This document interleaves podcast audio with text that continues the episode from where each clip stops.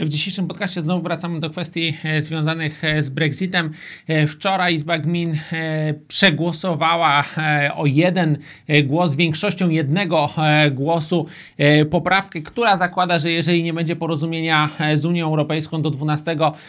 kwietnia, czyli do następnego piątku, wtedy władze muszą wydłużyć uczestnictwo Wielkiej Brytanii w Unii Europejskiej, tak żeby nowa umowa czy zmodyfikowana umowa miała możliwość być przegłosowana przez e, parlament i w ogóle w jakim stopniu także najprawdopodobniej e, wynegocjowana. Te ustalenia Izby Gmin to tą poprawkę Izby Gmin musi jeszcze zaakceptować Izba Lordów, natomiast to wydaje się być tylko e, formalnością. Czemu funt wyraźnie nie zyskuje na wartości, skoro mamy praktycznie zażegnanie ryzyka e, twardego Brexitu, chaotycznego Brexitu, e, bo Unia Europejska raczej, raczej zaakceptuje e, to rozwiązanie tego przedłużenia okresu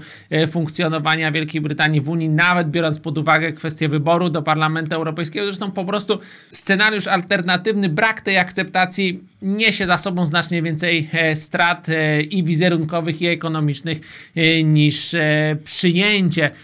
tego przedłużenia. Natomiast dlaczego funt nie rośnie? Dlatego, że cały czas jest spora niepewność brytyjskiej e, polityce, która również przekłada się e, na gospodarkę. Nie wiadomo co z rządem, nie wiadomo co z partią e, konserwatywną, nie wiadomo również jak zachowa w całości się opozycja, kto wygra wybory, jeżeli wygra, to czy będzie w stanie rządzić, czy te podziały wewnątrz obozu, zarówno lewicowego, jak i prawicowego, czy one nie są tak silne, że po prostu mogą uniemożliwiać rządzenie, a te podziały są przede wszystkim rezultatem Brexitu. Także można powiedzieć, że e, trochę e, Wielka Brytania w tym momencie jest na takich e, nieznanych, otwartych wodach politycznych, mimo długiej oczywiście historii politycznej i różnych precedensów w brytyjskiej polityce to jednak te wydarzenia z ostatnich lat powodują, że Wielka Brytania jest bardziej narażona na e, niepewność polityczną, reperkusje polityczne, może nawet zachowywać się podobnie jak rynki wschodzące,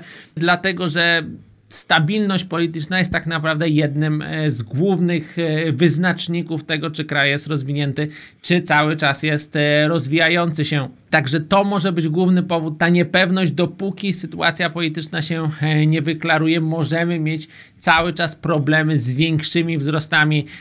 funta. No i dopóki też finalnie rzeczywiście ten Brexit nie zostanie przedłużony, tak klepnięty nie zostanie zarówno finalnie przez stronę brytyjską, jak i przez Brukselę czy też po prostu przez 27 e, pozostałych e, członków Unii Europejskiej. Także do tego czasu wydaje się, że rzeczywiście e, funt może ograniczać te wzrosty, natomiast ryzyko spadków także jest ograniczone, dlatego że, tak jak mówię, praktycznie zagrożenia twardym Brexitem już w tym momencie być nie powinno, biorąc pod uwagę dostępną na tę chwilę wiedzę.